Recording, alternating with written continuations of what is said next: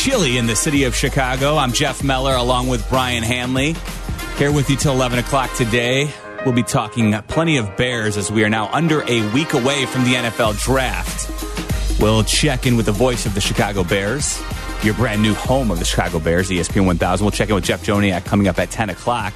But before we get into the Bears, let's recap a little bit about what happened with the Chicago baseball teams yesterday. Both lost, and I would say one loss seems far more dire to, the, to its team than the other, and that, of course, would be the White Sox walk-off loss to the Tampa Bay Rays yesterday.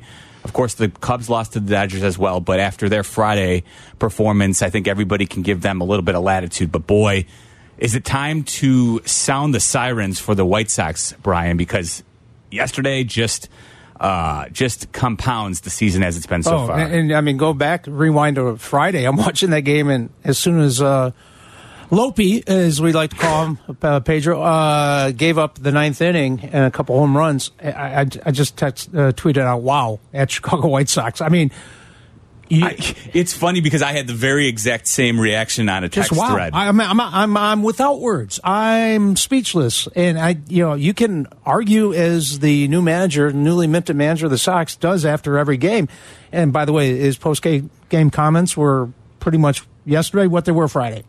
We have a good team. We prepare. We're playing well. And they are playing a historically hot baseball team. I get all that. Mm-hmm. But at some point, you have to find a way to win a game. And you can sit there and hang your head. It just, so many of the, the comments right now as we here, sit here on April 23rd remind me of what we were hearing from the players, from then Tony La Russa, who bent over backwards to, to run interference for his players last year. Wait till we get healthy. Wait till we barrel up on the bat. Wait till some of those hard hit balls start dropping. We're going to be fine. You know, it's early. It's early. It's early. It's not that early. You haven't won a baseball series yet, and and I mean, you can argue they played very hey, well. Hey, The Brian, Bo- they will not win one in this series either. no, They've already, in lost the, this series. Already, so 06 and one. I mean, they split with Houston to open the season, right? In Yeah. that four game set. And everybody was ha- was happy about that because hey, the defending World Series champs, you you were able to take two from them in their home ballpark. Okay, Yeah, it's great. Have the White Sox and Pedro Grifol figure things out? and, and now, so they lost eight of their of their last ten, and the bullpen the last few days, but for Lopi, uh, looks like a bullpen, which is you know all of a sudden. But I mean, there's just at some point you have to find a way to win one of those games, and if you win and, and find a way to win either or both those games the last two days. Now, now there's a whole different feeling about that in the clubhouse in particular. And to your point about hey, it's early, but it's not that early. You're now 21 games into the season. The White Sox are seven and 14. So now just to get to 85 wins on the season, which 85 doesn't guarantee you by any means a playoff spot, but just to get to 85 wins, the White Sox need to play 15 games over 500 for the rest of the season. What? They, they need to go 78 and 63, 15 games over 500 for the rest of the season just to get to 85 wins at this point. That's what Wow. a 7 and 14 hole to start the season does. There's that wow again. Wow. I mean, Like 15 games over to get to 85 wins on the season, which again, by no means is going to guarantee you any sort of playoff spot. No, no, and and, and here's the you know you start looking at it. Okay, you're only four games back, I believe. Uh, it, you have three teams in front of you already. Mm-hmm. The schedule setting up the way it does with the last game here in, in Tampa, and then you move on to Toronto. No, no easy task. Nope. Then you come home and you get a home dose of Tampa. Yeah. And then you said Minnesota follows them up. That right? is correct. Yeah. The, then the Twins come to town for a three game set after your second batch of the Tampa I Bay mean, Rays. hold your breath and hold your nose, but Detroit might leapfrog you here in the next week and a half if you don't start winning some of these games that you prepare well for, Pedro, and uh, you have a good club. And don't worry, I'm not worried about anything. Well, Sox fans are worried. I do believe Sox fans are worried. And I think rightfully so because, so as you pointed out, the rest of the schedule for the next 10 games or so is, is going to be difficult for the White Sox. And they're already seven games under 500. But we'll, we'll see today. The, uh, the White Sox play the Rays again, and of course, the Rays have not lost at home. They're 12 and 0 at home. So I mean- I don't know what would lead you to believe that the White Sox have, you know, a good chance of winning today's game, aside from the fact that maybe it's just baseball. And, you know, when you're playing a three game set, more often than not, a team is willing, is, is capable of getting that one out of three just because maybe you get the Sunday lineup from the Rays. Maybe that plays in your favor. And you've got Giolito on the mound against Zach Eflin. So that, I guess that gives you a little bit of a I, don't even know though with Giolito these days what I'm getting. So I was going to say maybe it gives you a little bit of an edge if you're the White Sox in the pitching matchup, Bry. But um, I don't know if I feel that way about Lucas Giolito these days anyway. You, you mentioned Zach Eflin, and I was looking at this yesterday. Okay, so not only is Tampa on a historic uh, start to the season, they've homered in every game. They're Yes. they're undefeated at home. By the way, I looked at twenty two thousand three hundred thirty three announced yesterday at the, the would be White Sox uh, stadium that they built for the White Sox all those years ago. The old when St. Petersburg yeah. experiments. I mean, and the the, the Sox supposedly had one foot out the door, and Jim Thompson, the governor, stopped the the clock at midnight to twist arms to get them the uh, lease deal here at, at the then sell now the rate. But that said, Eflin is making eleven million dollars a year. He signed a three year free agent. He's the highest paid Mm-hmm. Ray. Ray. Yes. Now think about that. Ian Happ just signed for twenty million on average of over three years. God bless Happy. Um, but they, they're doing it with what 73 74 million dollars of total payroll. yeah, and they're 18 and three, and they haven't lost at home. And That's 85 million lower than the median team payroll in the major leagues right now. Think, I mean, uh, the Executive of the Year award has just been, you know, handed down to Tampa. There you go. You, you can take this and put it on the shelf somewhere. Yeah, and and what they're doing too, um, and Eflin's just coming off the injured list, Yep. so he'll you know make his return to the rotation for the Rays today. So they've been doing it a little bit without their highest paid player. Um, he'll step into for all, all intents and purposes.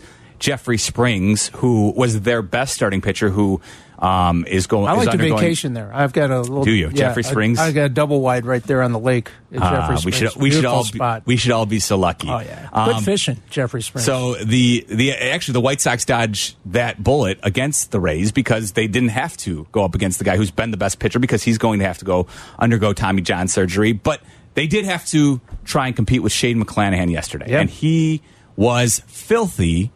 But the White Sox were able to cobble together enough where against him with Dylan Cease on the mound, you would expect that's a game the White Sox need to win. And I guess this is, is where, as a White Sox fan watching this unfold right now, I'm quickly getting to apathy in my emotions with this roster. And the one problem with the slow start, even though it's quote unquote early, Bry, is that you cannot deny if you're a baseball player and you find yourself looking up at the standings when May comes around and you're 10 games under, that's going to wear on you. Absolutely, Yeah, absolutely wears on you. And, and, you know, oh, it's a marathon, not a sprint, and you can't win. Uh, you can't win a, a World Series in April. And well, guess what? There's no honeymoon period for the new manager, and certainly not for Rick Hahn and, and for a lot of these players. I mean, Sox fans were so ticked off about everything last year. And I mean, everything, and rightfully so. They were promised better, and this team has come. And I, you know, again, playing playing well against Tampa. If you feel good about that, good luck. You got to have results. It's a result oriented business, and at some point, I mean, you just said you have to, to you have to get 15 games over 500 from here to the end of the regular season. Be 85 win team. Good luck. I mean, because if if you can envision, and I know it will happen at some point, but a six, seven, eight game win streak with this White Sox team right now, given all their issues, which are a lot, you know similar to last year, uh, you know, make that case for me. 312-332-3776. I want to believe. I really, you know, came out of spring training believing, and then for a week, Luis Robert looked like MVP material, offensively, defensively, and now he's in a Did- he's scuffling scuffling big time. Did he make contact with a pitch yesterday? No. He was 0 for 4 with four strikeouts. Um, and, and Shane McClanahan was, at, at one point, he had recorded in the first four innings 24 whiffs, 24 swing and Yeah. misses, which was the record since they started recording that in the StatCast era back in 2008. and he was doing it with all off speed stuff too. Yeah. Hey, look, listen. Shane McClanahan is one of the best pitchers in baseball, so I will, you know, grant the White Sox that it was a difficult matchup. Nevertheless, though, that also I think underlines what you see here is when the White Sox homer three times yesterday, Yep. and still lose the game four to three. Part of it is a product of the lineup that you have put together. Nobody's on base. Nobody's drawing walks to be on base for when somebody hits a home run. And that's why the White Sox find themselves putting up these historically bad stats, even in games when they're homering three times. And it also magnifies an end of game decision, which you can make an argument it was the right, correct decision to make. But the way things are going for the White Sox, it turned out to be the wrong decision. And if you missed it, so Pedro Grifol in extra innings, of course, with the ghost runner on second, chose to, after with one out in the inning, chose to walk, intentionally walk Wander Franco, who is a switch hitter with Jimmy Lambert on the mound. He chose to intentionally walk Wander Franco so that he could get to Randy Arozarena at that point, who had already homered in the game and driven in the Tampa Bay Rays only three runs in the game. He was two for four at the time. And so with Wander Franco one for four, he said, No, I'm going to go ahead and keep the righty righty matchup with Jimmy Lambert and set up a potential uh, inning ending double play. That's what Pedro Grifol chose to do. And again, Randy Arozarena, who came to the plate with three RBIs at that moment, drove in his fourth, the game winning run for the Rays. And he just put the bat on the ball, went opposite field, and, and didn't try to kill it, didn't try to mash it, did exactly what was expected of him. And it was his first walk off opportunity. Again, I mean, hats off to the Tampa Rays because everything they do works out. And up and down, again, a very young lineup that, uh, you know, these guys are working for minimum wage. They, they 74 million payroll, and they had 21 million on the uh, IL before you know Eflin coming back today. So it was like 52 million dollars worth of talent on this unbelievable tear, and yet 22,000 people, which is three times what they usually draw down there. But can you imagine if either the side White of town? Sox bringing in the crowds. Oh, can you imagine if the White Sox had the Tampa start? You couldn't touch a ticket down on the uh, south side, and and certainly the Cubs. You couldn't if this. You know, th- th- they'd be planning the parade route on the north side if if the Cubs started this way. But Tampa, I mean, I, I don't know if it's ever going to be a viable market because if they're not coming out to watch this, I don't know what they're coming out for. No, it's that's a great point. Here's the thing, though, uh, and I, I actually was not so upset with the decision to intentionally walk Wander Franco. No. M- because I, in that scenario, I got it. Yeah. Like, like, like.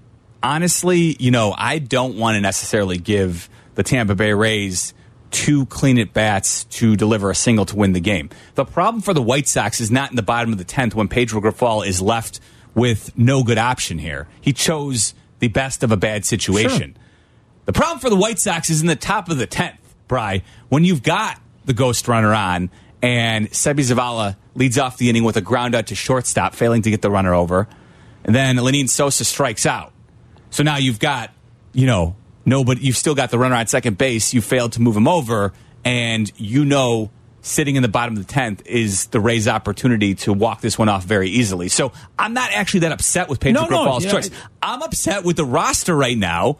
That can't get it done. Yes. and, And- and, I'm with you. Yeah, Pedro did what he said, and when asked in the postgame about uh, doing, you know, uh, giving the pass to Wander, he said we liked our matchup with Lambert, and you could, and you probably did, and it'd be hard to to make a case against. But the fact is, it didn't work, and, and you're right because you didn't get it done in the tenth to give yourself any kind of margin of error. That's the one thing I think when you really look at where we've gone in baseball with the new extra newer extra inning rule. If you fail to score as the road team, good luck to you. Yeah. If if you don't get a run across, that's things become very difficult. And Pedro Grifol really didn't have much choice, and it just compounds a bad situation for the White Sox. 312 332 3776. If you'd like to chime in about the White Sox, we've got your pregame coverage coming up today at noon. Uh, of course, first pitch at 1240. Can the White Sox finally end the Tampa Bay Rays home winning streak? They're currently 12 and 0 on the season. He's Brian Hanley. I'm Jeff Meller. 312 332 3776 on ESPN 1000. This is Chicago's home for sports. ESPN Chicago. Listen now in HD on our app and on ESPN 1000.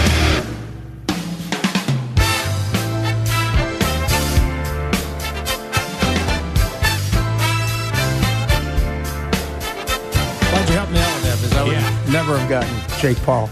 Uh, Meller and Hanley in the break just reacting to last night's big prize fights. Take your word for it. I mean, I grew up watching boxing right across the street on the on, at the Chicago Theater. Of course. The Sugar the Ray Leonard on pay per view. You would, that's how you went to consume your your boxing matches. Yeah, yeah. I, you go closed circuit. Yeah, we, we'd run out of the Sun Times building, uh, four blocks away, Mm-hmm. after working, and run down there to watch. And and I was just saying, you know, I heard the result this morning on ESPN National before our show. I'm thinking, I haven't heard about a boxing match in forever. That they actually had one, and I couldn't have told you who was in it. Mm-hmm. Jake Paul, you say? No, no, no, no. Oh. My point was the biggest name Oh, in the last one, boxing yeah. is Jake Paul. And that is a problem because when your best, your most popular and consumed athlete is just a YouTube sensation, and that's how he became a boxer. And he's the one who generates the most interest and the most buys when it comes to any type of pay per view events. That's a problem. Because Yeah. he's not a great talent. He's just a well known. Correct. Just popular. Correct. Influencer Yeah, is what he is. Exactly, He's an influencer. Exactly. And that's when your sport's there. You can't influence me to watch a boxing match right now. That's all I'm telling you. Yeah, yeah. Well, you're not the only one. I promised you that. And uh, Jake Paul is. I don't think people who are watching him are watching for the boxing, for the you know the love of the sport, if you will. 312-332-3776. Meller and Hanley with you till 11 o'clock today. We're going to be talking some Bears. Jeff Joniak's going to join us at 10. We'll pick his brain on what he'd like to see the Bears do. Um, we'll also take your calls. What do you want the Bears to do? on Thursday night. What are you hoping for? And maybe are there any picks out there that could potentially disappoint you if the Bears end up making that selection? You can feel free to join us here on ESPN 1000. We're also recapping yesterday's baseball action. The White Sox, another another loss to the Tampa Bay Rays. The Rays still undefeated at home, 12 and 0. The White Sox get walked off in the 10th inning. They lose that one 4 to 3 and the White Sox right now are 7 and 14 and it does certainly feel dire if you are a White Sox fan. Let's try Eddie who's on the north side. Eddie, you're on ESPN 1000. What's going on, man? Hey boys, good morning. Good morning, what Eddie. the Sox should have did is they should have hired Ozzie as the coach because they need a spark underneath it. They all got these contracts and they're all sitting back. I don't even think they care if they get injured. It's like little mini vacations for them. That's what I see with the White Sox.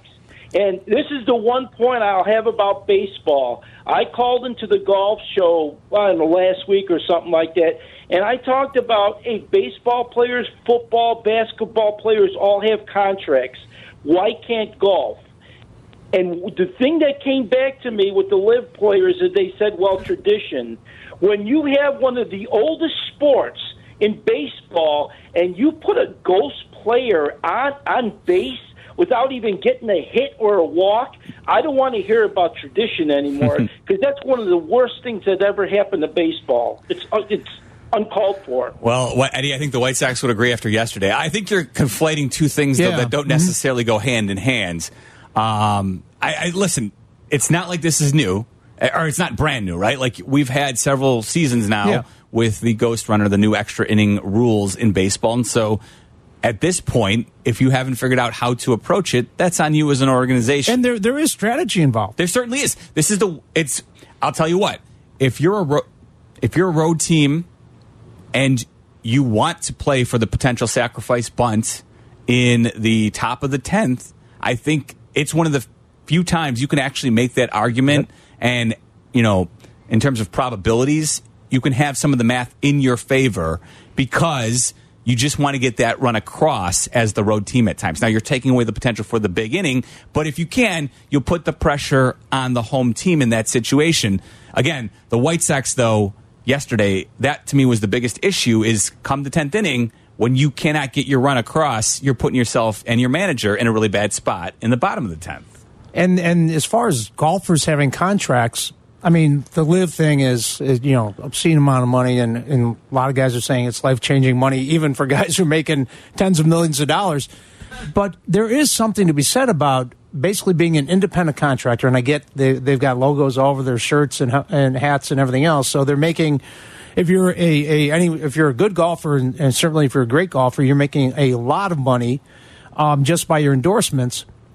But you have to make the cut. I mean, it, it, you know, there are guys who are still living out of the back, the trunk of their car, trying to keep their PGA Tour Yes. card to even be a part of this thing. So, I mean, I don't know how much more incentive you have is if you don't deliver week in, week out, or for the majority of the golf season, uh, you're not going to be on the tour, and you're certainly not going to see that kind of money, and, and then your endorsements are going to go away too if you, you're not. So, as, as as far as pure incentive goes, instead of a guaranteed contract, that's that's pretty good incentive to, to you know, you know it's all in your bag. You know whatever decision you're making from the fairway or the rough, you have to execute it. You can't depend on the bullpen bailing you out or anything else. It's all on you. Yeah, yeah. I'm kind of. I, I'm, I wasn't quite clear on exactly what if Eddie. So Eddie was calling for the PGA Tour to, To have, have guaranteed contracts. money, Yeah. um, to compete with. Or to keep the talent they have within. I think the reality is it doesn't matter if the PGA, even if the PGA Tour had guaranteed contracts, Bry, they're not going to be able to pony up the amount No. of money that the LIV Tour is. no, not unless And so the PGA's got oil fields somewhere I'm not aware yeah, of. Yeah. Exactly. So, uh, un, you know, thanks for the call, Eddie. 312 332 3776 if you want to hop in, talk with us, Meller and Hanley here on ESPN 1000. All right, before we turn our attention to the Bears, thoughts on the Cubs yesterday losing to the Dodgers? Max Muncy, Jesse Outman have been nuisances in this series for the Cubs. And the Dodgers, even though they're not the team they've been in the past, they are still a very formidable opponent. Yeah, and today we've got uh, Marcus Stroman against uh, Clayton Kershaw, so that should be a, uh, a something to tune into, Yeah. even if you're just a baseball fan, not necessarily a Dodger or Cubs fan. I, I'm kicking myself because Friday I really thought about going out to Wrigley Field for the first time, Oh. and then I'm watching Drew Smyly having a, a perfect game, and you know they found it, that you know the perfect game went away and all that, but and he, he avoided injury thankfully, but. As you mentioned, because you had that game sandwiched between the two losses, eh, eh, look, the Cubs are feel good story still, feel still good rolls story. on. Yes. Absolutely. And there's enough positives and say Suzuki's back and he drove in a run early yesterday and it's they're not perfect by any stretch of the imagination. But I was just saying to you before the uh, uh, the the show in, in the bullpen, Dylan Cease is a different conversation. But can you make the argument, given the the upside and the resources you have invested in the rotation, that the Cubs actually? I would take the Cubs rotation right now. If, you One take- through five. You Yeah. you had me you had me thinking Yeah. because Stroman has been excellent and you know, I, I I'm not convinced that he's going to be, you know, in the top five of Cy Young No, finishers. no. But And I would expect Dylan Cease to, to be in top Yes. five, if not be, you know, top two, like Ne- he was last year. nevertheless though, you know, Justin Steele and you know, he he's certainly been unbelievable, right? And I I don't know how long Justin Steele can sustain. He, I mean, he's not going to be Jake Arrieta here, right? But, He's- you know, I liked a lot what I saw last year Yeah, absolutely. So he has moments. He's got uh, pretty good strikeout stuff. So I like Justin Steele certainly as if you're going, we're going to slot him in as your number 2 Mm-hmm. Drew Smyly's a veteran who listen when he, things are going well, everything looks great. Um, I, I Had a pretty good second half last year. he did. He did. He's a he's a quality innings eater. I think he's ideally probably if he's your number four or five, you're in really good position, right? Yep. So, but if I'm putting him as your fourth or fifth, that's where Kyle Hendricks and Jameson Taillon need to come back into the rotation off the injured list. And, you know, there's been good news regarding Kyle Hendricks, you know, and Jameson Taillon hasn't shown Cubs fans anything, but they made a huge investment in him. You and I were texting with Jesse the other, you know, uh, last a couple weeks ago when he was on the mound, and I was wondering, like, what's going on here because they did pony up some significant money for Taillon. They thought he would be an innings Not eater. Zach Eflin money. No, not, well, not more. They, Yeah, gave, they gave him more. I know. I'm, I'm being Um, facetious. But so, but yeah, when you lay it out, I, I looked at the White Sox and I'm like, boy, a I mean, lot is. if being, you can tell me who Michael Kopech is to this point, and, and nobody some can. innings he looks like it's all the- about potential with right, Kopech. and in some innings it looks like he, he can still figure it out, and still was the guy everyone's been waiting on. And other innings he looks just like a guy. And Lucas Giolito, as you said, goes today, and the other day looked great for six innings. And you know he's a free agent after this year, right? Giolito, Yeah. yes. So you know, he if he wants to get paid uh, in a significant way, he's better have the season that you hope he's going to have if you're a White Sox fan. Yeah, he's he's certainly uh, got a lot to pitch for, and you, which leads to an interesting question here that uh, you brought up, and we've put on the Twitter poll today. So, which team will have the better record at the end of the season, the Cubs or the White Sox?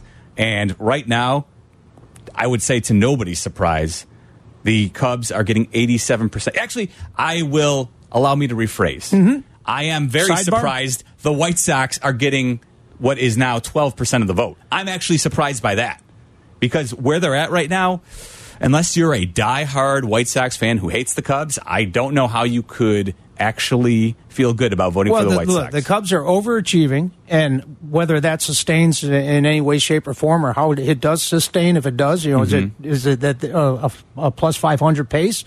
Where they actually, can, I mean, who's in the worst jam right now? The St. Louis Cardinals or the Chicago White oh, Sox? oh, I, for me, it feels like the White Sox. Well, but the Cardinals' expectations were they're going to win that division going away, Yeah. and it wasn't even going to be close. I might still be a slave to the preseason predictions. You're Right. right about that, Bry. Um, But I I mean- I- as a White Sox fan watching this, though, I Oh don't no, see I any watch. I watch at the end of this tunnel. Yeah, I know, and and and you know, just like the the uh, White Sox, the Cardinals have to leapfrog handful of teams already. Yeah. not that the the Pirates are going to be there at the end, but Hey, you now know, the, the Cubs need to. don't go hating on the Buccos just yet. well, the Cubs need to keep doing this while the, the Cardinals are having their issues to to make you know this thing interesting into July anyway. Uh, plenty of time to talk baseball with you, but we're going to shift our attention to the Bears because we are now less than a week away from the NFL draft. If you'd like to talk with us, 312 332 3776, let us know who you would like the Bears to draft. We'll talk about it next here on ESPN 1000. If you missed something, get the podcast on the ESPN Chicago app. This is ESPN Chicago, Chicago's home for sports.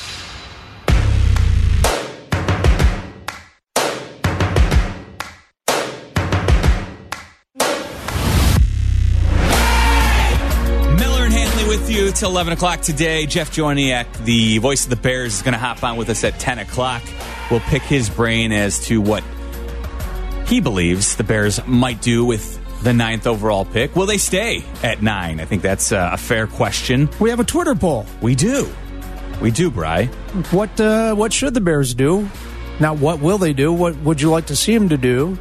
Would you number nine pick? Do you want to see them trade up, trade down, or utilize said said pick? And maybe you have two or three players that you're saying if it's you know they're on the board or expected to be on the board, you want them to keep that nine pick because you need impact, you need difference makers or uh, you know more is better. You're maybe the more is better. You know, trade down, get as many um, uh, picks as you can. I saw this. Chicago Tribune wrote the other day that um, the Bears have not had five picks in the top 120, 103 overall picks um, in 20 years. 20 years they haven't had that, and um, Arbitrary endpoints. Yeah, I know. because I love, you, and you know it. I mean, listen. You, I, I, I grew up reading a lot of what you've done. You know, as a writer, sometimes you, you, you find an angles. You you, start. you, you make the numbers create- fit to yeah. absolutely, Hey, so- this looks good. It's not 100, but I can stretch to 103. so if you're a Bears fan, you're saying, "Oh, I'm trying to." Nah, I have to. I have to Charles look at Tillman it. and Lance Briggs were uh, 20 years ago. They had five picks in the top 103 because that's we're rounding up to course. 103. Who Um, doesn't? But that you know that those are pretty good players that Yes. that, that uh, stuck around for a while and made a name for themselves in this town. And and by the way, Lance Briggs will be part of our uh, Bears Pregame, football yes. family. Huge announcement. If you missed it this week, uh, entire lineup for the Bears radio network was announced. Sylvie, Dion Miller, and Lance Briggs will have your pregame coverage on your brand new home for the Bears, the Bears radio network, ESPN Chicago. Of course, Joniak and Thayer will still be on the call for every Bears game. And of course, Peggy and Yurko will have your post game coverage. So maybe you have a guy, uh, that- and and you know we have uh, Matt on the line, so we'll get to him. But there is a big drop off right now, Jeff, from number nine to number fifty three. There's a lot of time in between those first and second picks as Ryan Poles sits here today. So maybe you say, yeah, move down and then get a few more picks between said number nine and number fifty three. Absolutely. Let's try Matt, who's in Streamwood. Matt, you're on with Meller and Hanley. What's up, bud? Hey guys, thanks for taking my phone call. Appreciate it. May I ask you with the Jalen Carr situation? I know, you know, coming out he had the incident with the drag racing, and then he had a, you know, left the the combine to go to deal with the situation, and then he, uh, you know, basically his agent this week, Drew Rosenhaus, said now he he has to be picked in the top five because if it gets to six, that he's going to be worried and he's going to be calling teams and saying, "You better take him now." So it gets worried to me that now that Jalen Carter and his agent Drew Rosenhaus are moving the goalposts. They originally they only said the top ten teams could pick him. Now it's down to five. that if the Bears do select him at nine, that he one that he won't report to training camp or will hold out, or that he two he wants to sign this huge deal or something. And I just don't. As a situation right now, it worries me is that I don't know if Eberflus can get through to him because I don't know what Eberflus defense is as it is right now. I, I didn't Not I good would be the two words that come to mind. Not good defense. Um, you know, God bless Drew Rosenhaus, Matt, but he can tell Jalen. Jalen Carter cannot tell teams Yes. that I'm going to be holding out At- with his with the, the last few months in particular, and there were already questions be- before that about his maturity, and then you had the legal issues. And by the way, a friend of his died in the in the racing incident, and but you know, he he was smart enough to plea out and, and get that put behind him, so at least there's Yep. certainty for NFL teams as to what that the legal end looks like and what he will have to do and not do and all that. But Drew Rosen, this is not the guy. uh, You know, if he, I think he'll get selected top ten, and I think if the Bears, he's sitting there number nine. Jeff, I think you're in agreement. You, you take him if you, unless you have some really glaring issues and questions about him. Yeah. Uh, so, a lot here, Matt. What I will say is don't concern yourself about the idea of holding out. The reality is, I'm trying, uh, it was Sam Bradford was the last quarterback who really cashed in before the new, the last couple CBAs where they slotted in draft picks, Yeah. right? And so, Rosenhaus, Carter, they, they can bloviate all they want about Yep. the idea of I love him, that word. of him uh, potentially holding out. The reality is, there's nothing. The last There's no time we saw, re- there's no real holdout. No, there's structuring- Roquan Smith probably was the most recent quote holdout because of quote language in his contract Yep. where he didn't necessarily want. You know, he was worried about potential fines or not getting all his guaranteed money. Minutia. But, yeah, there's nowhere to go with the money. So. Ultimately, he could be disappointed that he's not drafted in the Yeah. top five because it means less money. But there's nothing you can not, do. not like you said uh, the, before this CBA and slotted salaries. Top five, you could whatever you could get, Yes, you could get absolutely. And quarterbacks who were, I mean, geez, and Matt Stafford, those, I mean, they were making Yeah. 40, 50 million dollars without even playing a down in the exactly, NFL. Exactly right. But don't worry, that's not the case anymore. I think that the and, and Drew Rosenhaus is going to go here. I'll actually I'll play it for folks who may have missed it. So uh, Drew Rosenhaus was on HBO's Real Sports, and he was asked, "Hey, what's the plan if Jalen Carter isn't selected in those first five picks?" No, I'm not going to call him. Yes, I will tell him in the green room to keep a stiff upper lip and to maintain a positive attitude that we're going to be drafted any second now. And yes, I'll be on the other line calling teams and saying, you better pick this guy right now because I'm talking to other clubs that could potentially take him. you can hear you know he knows what he's doing is a show and if anything what that what that is from rosenhaus on hbo's real sports that's an advertisement for all the future clients for, for that he can he can land he knows nfl teams are not going to be swayed If they by- are, shame on them. Absolutely. If Drew Rosen, uh, hey, draft night, you know, my guy's in the green room. Now it's six or seven, pick on the clock. Hey, you better pick him because, you know, at eight or nine, he's going to go. or Okay. what Or what? and if he doesn't what I've graded him out. Absolutely. My staff has graded him out. We we either like the guy here or Mm-hmm. think there's value here or we don't. You can, you know, Drew, let me put you on hold and I'll, you know, I'll get back to you tomorrow. I mean, you can you can advertise and advocate and do everything you want. Any team in the, in the draft room is actually going to be, as you said, swayed or influenced.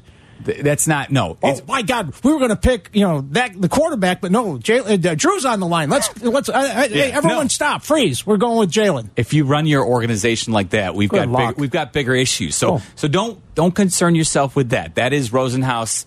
Um, he's listen. He's a showman, and Oh. and he's saying, look over here, but don't look look over here. He's he's trying to prove, or, or he's trying to demonstrate to you know. The, again, I think it's more more than anything else.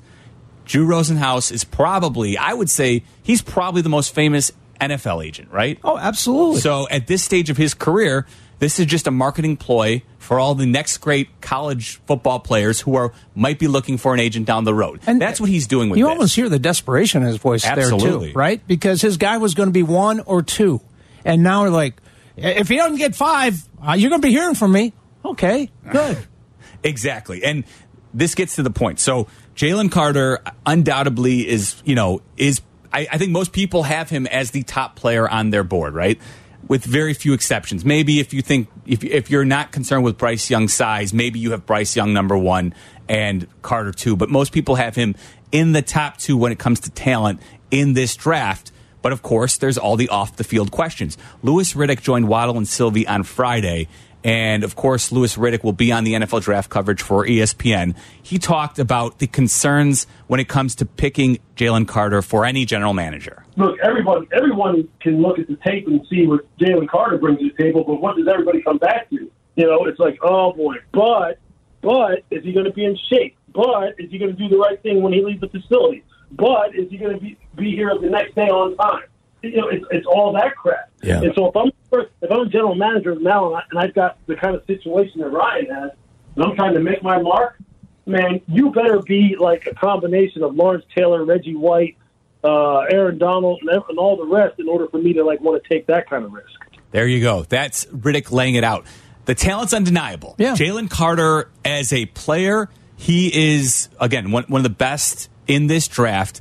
And very possibly, if he lives up to his potential, could be an absolute game changer along the lines of someone like Aaron Donald uh, in the interior, which is what Matt Eberflus needs.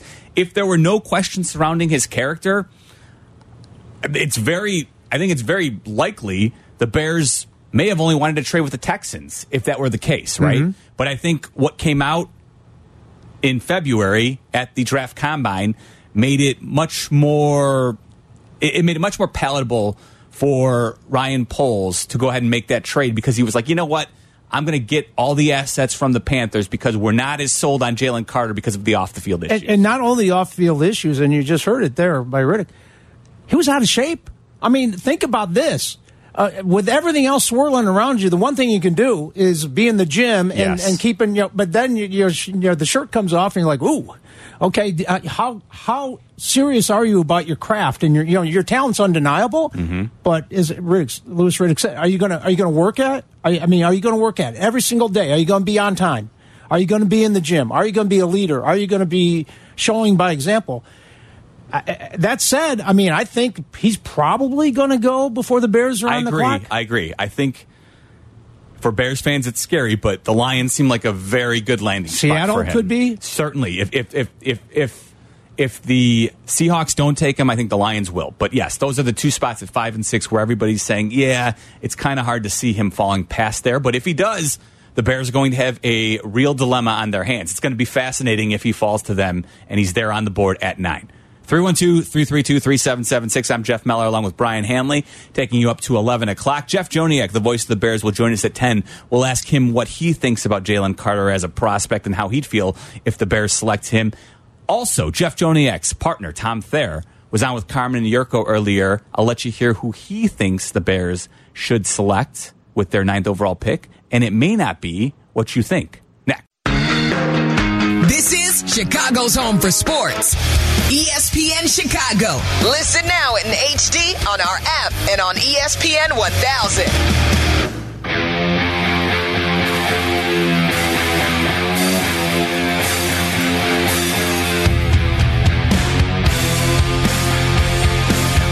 Meller and Hanley with you till 11 o'clock today. Jeff Joniak, voice of the Bears, is going to hop on at 10 o'clock as we preview the NFL draft coming your way on Thursday.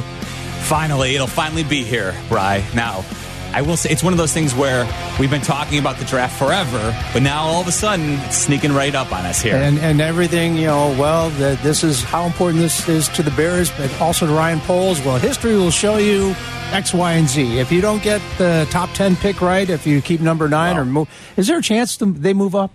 If, I could they be- be, in love with Jalen Carter to the point where? I would be sup- really stunned. I Yeah. will say that. Like, I don't think they will be moving up. I think moving Well, back. unless Drew calls. Now, if Drew calls him and says, "Hey, you, know, you better not sit on your number nine because if you're not in number four, you're in trouble."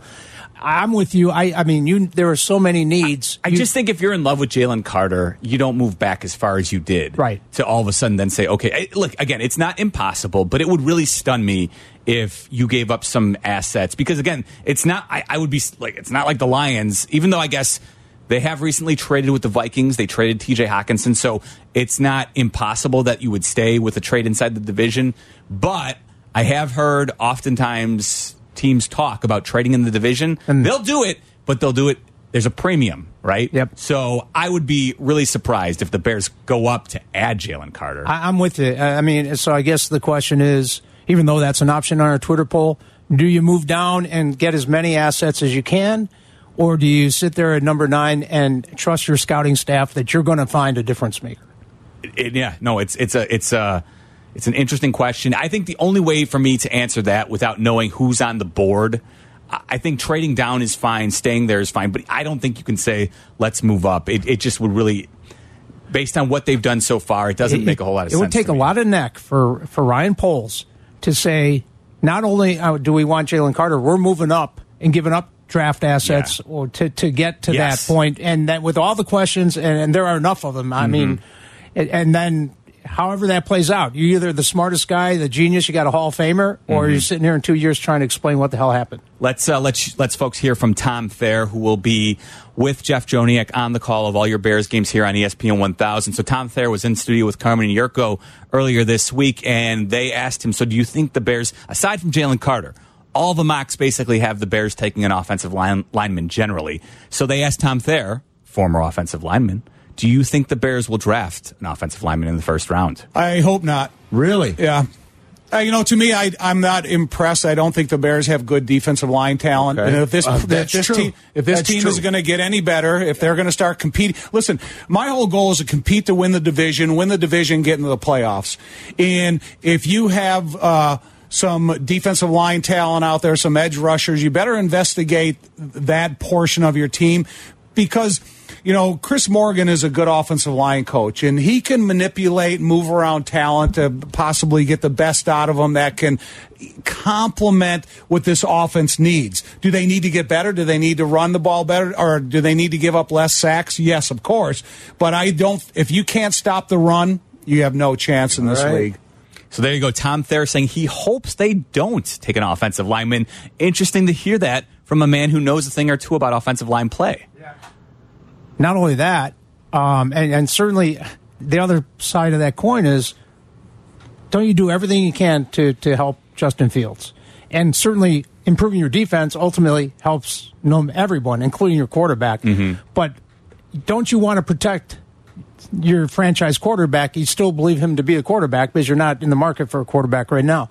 That's very interesting. And, you know, Ryan Poles being a former offensive lineman, maybe looking the same way as Tom. I mean, Tom, Yeah. Tom knows what he's looking at. And, and uh, to his point, Chris Morgan, he he knows he believes he can get the best out of a player. So, and maybe you trust Ryan Poles as a former O lineman to say, okay, I can unearth some talent. You know, that's the Yeah. idea with Braxton Jones. What we hope he hopefully has as a potential starting left tackle, who he was able to grab See- in the fifth round. I'm with you. I'm with you. Hold on. Let, we'll That's a hell of a story, but don't no, no, delude you're yourself. Right. You're right because I agree with what I, what you just Yeah. said there. Let's try Bear fan Bob, who I think agrees with Tom Thayer. Hey, Bob, what's going on?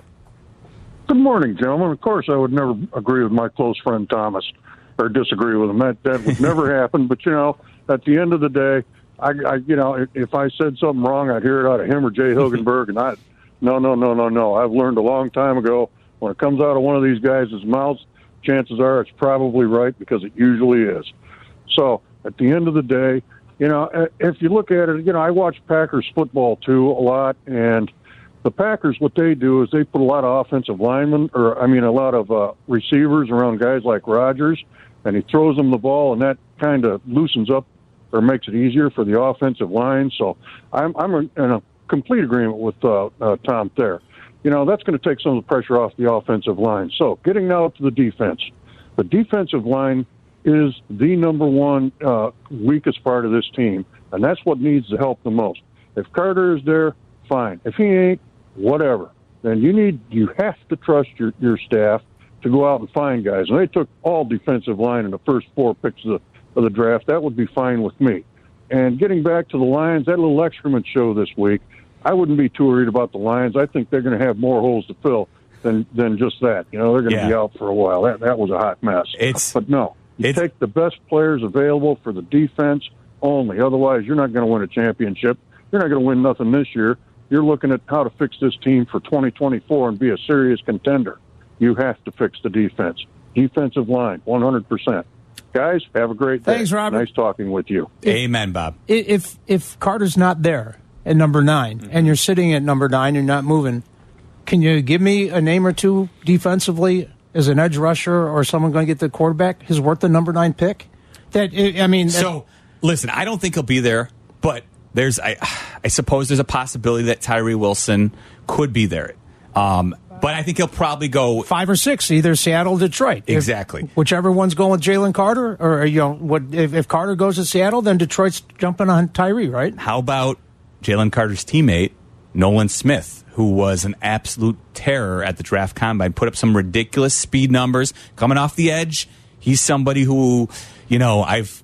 Now, listen, the one thing about comps where you get yourself into trouble Yep. is by just saying names, but the, I've heard people say, hey, Nolan Smith, you could put him and kind of use him the way the Dallas Cowboys use Micah Parsons. Okay. Interesting. You know what I'm, I'm just saying? There's there's a lot of interesting possibilities. Lucas Van Ness, the local kid from Iowa, is also somebody who's gotten a you know who's been mocked to the Bears quite a bit. So there are some players available. The the great thing about the Bears having so many holes is they will be able to find if they can identify him, they will be able to find somebody to fill in and be a potential starter when uh, the season begins with this ninth pick if they stay there. Well, the Bears are to draft the guy doing push-ups in front of our studio right now. I don't see Ryan Poles here to scout him, though. I don't know if he's going to be on his board. 312 332 3776. He's Hanley. I'm Meller. Jeff Joniak, voice of the Bears, joins us next.